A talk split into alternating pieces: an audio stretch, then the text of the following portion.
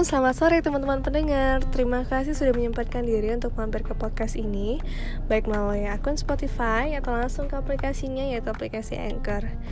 Nah, sesuai dengan judulnya pada kesempatan kali ini atau episode kali ini, teman-teman, aku ingin membahas mengenai pengalaman aku ketika mengikuti rangkaian tes CPNS di tahun 2019 lalu. Nah, seperti yang kita ketahui ya teman-teman, 2021 ini pemerintah baru saja membuka formasi untuk CPNS setelah satu tahun tidak membuka dikarenakan di tahun 2019 lalu atau angkatan aku itu adanya keterlambatan rangkaian tesnya dikarenakan adanya pandemi COVID-19. Nah, pada kesempatan ini teman-teman, dikarenakan sudah lumayan banyak nih di kantor ataupun teman-temanku yang nanya ke aku gimana sih tips dan triknya bisa lulus CPNS karena uh, fun factnya adalah aku nggak pernah ikut CPNS sebelumnya. Ini adalah adalah tes pertama aku dan alhamdulillah aku dinyatakan langsung dinyatakan lulus. Dan mungkin teman-teman ada yang tahu juga nih sebelumnya aku sudah bekerja di sebuah perusahaan BUMN di bidang perbankan selama tiga tahun. Tapi akhirnya aku memutuskan untuk resign dan membayar penalti sekitar 20 juta untuk uh, bisa berada di tempat ini saat ini untuk bisa menjadi PNS pada saat ini gitu kan.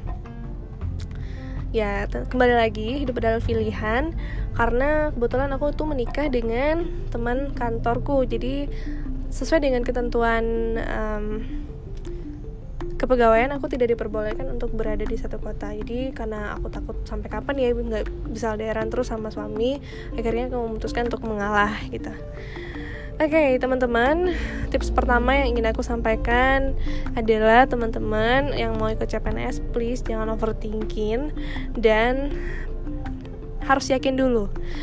Kenapa nggak overthinking? Teman-teman, yakinlah kalau overthinking tuh sometimes bisa bikin kita prepare, uh, kita bisa lebih prepare untuk menghadapi apa yang akan kita hadapi tapi di saat-saat tertentu, overthinking akan mengacaukan semua rencana atau hal-hal yang harusnya kita lakukan. Jadi, aku adalah orang yang tidak overthinking. Waktu itu aku dikasih saran sama calon suami aku, suamiku yang waktu itu masih calon suami ya, untuk ikut CPNS. Uh, eh, aku nggak, aku nggak setengah-setengah hati. Aku uh, menanyakan apa pertimbangan dan melihat peluangnya di sana Oke, okay, aku ikut. Jadi, ketika pemberkasan, aku sama sekali belum memikirkan untuk tes SKD. Jadi, aku fokus di pemberkasan. Karena fun fact-nya adalah banyak banget orang-orang yang ternyata nggak lulus di pemberkasan. Bayangin kita belum bertempur, tapi kita udah kalah. Jadi teman-teman jangan pernah sepelekan pemberkasan karena harus fokus, eh, fokus karena harus fokus karena setiap instansi yang kita lamar itu punya syarat yang berbeda-beda.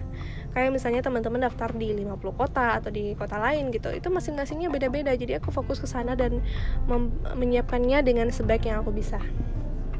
Nah, setelah keluar pengumuman pemberkasan dan untuk uh, tes selanjutnya itu adalah SKD, barulah aku belajar untuk mempersiapkan diri di tes SKD ini. Teman-teman, aku tidak hanya sekedar berusaha untuk tes SKD, tapi aku puasa sosial media selama satu bulan.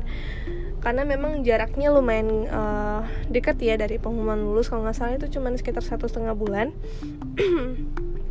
Dan aku tidak hanya belajar sepulang kerja, aku juga belajar di sela-sela waktuku di kantor yang senggang uh, dengan membaca uh, kayak jadi aku sadar banget nih kalau aku nih uh, lemah di TWK jadi aku punya catatan hal-hal yang memang harus aku hafal untuk TWK jadi aku bawa itu ke mana-mana. Kalau ada waktu senggang aku nggak main handphone tapi aku membaca uh, catatan kecil itu gitu. Uh, dan setelah akhirnya tes jujur ada kesalahan yang aku lakukan di tes SKD tapi aku berharap dengan aku membuat podcast ini teman-teman tidak melakukan hal yang sama. Jadi aku menyepelekan bidang matematika umum. Karena aku merasa banget bahwa aku sudah um, senang matematika jadi aku akan bisa menjawabnya dengan benar. Target itu adalah bisa lu bisa menjawab semua soal matematika umum itu dengan benar semuanya tapi sayangnya hasilnya ternyata di luar ekspektasi aku. Walaupun memang aku lulus pering, uh, lulus apa namanya uh, nilai ambang batasnya tapi itu jauh dari ekspektasi aku gitu. Jadi please walaupun kamu berusaha dan kamu ngerti kelemahan kamu di mana memang agak banyakin porsi di situ. Tapi jangan sepelekan bidang yang lainnya. Kemudian uh, aku berterima kasih banget nih sebelumnya kepada pemerintah yang sudah menyelenggarakan tes dengan sangat transparan sehingga ketika kamu selesai tes SKD kamu itu bisa langsung melihat rankingan di di situ kayak kayak ada infokus disediakan sama panitia. Jadi kamu bisa ngeliat peluang apa kamu lulus untuk tes SKD atau untuk tes SKD ini atau enggak gitu kan. Jadi kebetulan yang aku lamar itu memang hanya minta satu orang dari sekian yang daftar itu diambil tiga teratas untuk tes selanjutnya. Ya kita semua tahu ya untuk tes selanjutnya itu porsinya satu banding tiga. Kalau untuk satu formasi berarti tiga orang untuk tes selanjutnya. Kalau dua formasi berarti enam orang untuk tes selanjutnya. Jadi aku ngitung aku akumulasikan dengan pesaing aku bahkan aku hafal nama-nama pesaing aku. Dan aku melihat aku di sana ternyata ranking 2 aku agak kecewa karena tentunya aku menargetkan untuk bisa menjadi ranking pertama di tes pertama ini tapi aku nggak putus asa. Uh, aku tetap semangat. Bahkan aku inget banget suamiku bilang aku bilang waktu itu waktu itu dia masih pacar aku kan aku bilang bang uh, Gina lulus tapi sayangnya Gina cuma ranking dua gitu kan. Uh, terus dia bilang gak apa-apa. Nanti kalau ranking pertama kamu jadi nggak semangat untuk tes berikutnya. Oke okay, itu masuk akal. Jadi aku nggak jadi cukup overthinkingku sampai situ aku lalu fokus lagi mempersiapkan diri untuk tes SKB waktu itu. Jujur teman-teman tes SKB itu aku ngambang banget karena uh, referensiku pun sedikit karena tentunya tidak banyak orang yang bisa lanjut ke tes SKB tentunya kalau aku ketemu dengan orang-orang yang pernah tes SKB beda bidang kan? Akhirnya aku belajar banyak dari grup-grup di telegram dari internet terus aku ikut juga semua uh, tryout online-nya. Tapi sayangnya soal yang keluar itu sama sekali tidak ada yang kupelajari bahkan teman-teman bayangkan aku mempelajari beberapa mata kuliah yang tidak berhubungan dengan jurusanku. Kebetulan formasiku minta tiga jurusan. Aku mempelajari dasar-dasar dari tiga jurusan lain ini. Tapi saya nggak keluar. Aku nggak ngerti juga. Akhirnya uh, mungkin karena aku berusaha dan aku yakin hasil yang kita dapatkan itu tidak akan mengecewakan usaha yang kita lakukan tadi.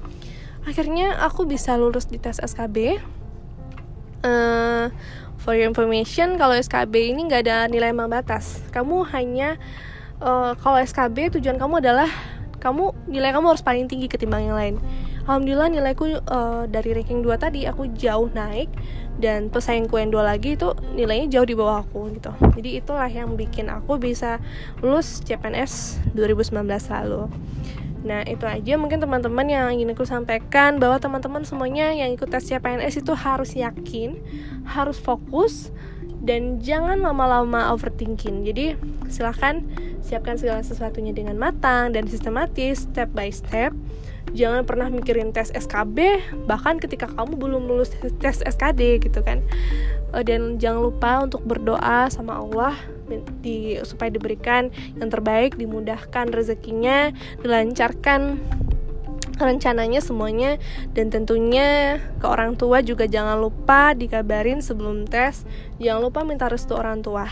Mungkin hanya itu yang dapat aku bagikan teman-teman. Semoga semua teman-teman yang mendengarkan podcast ini yang mengikuti tes CPNS di 2021 ini bisa lulus dan kalaupun tidak jangan patah semangat kita coba CPNS di tahun depannya lagi.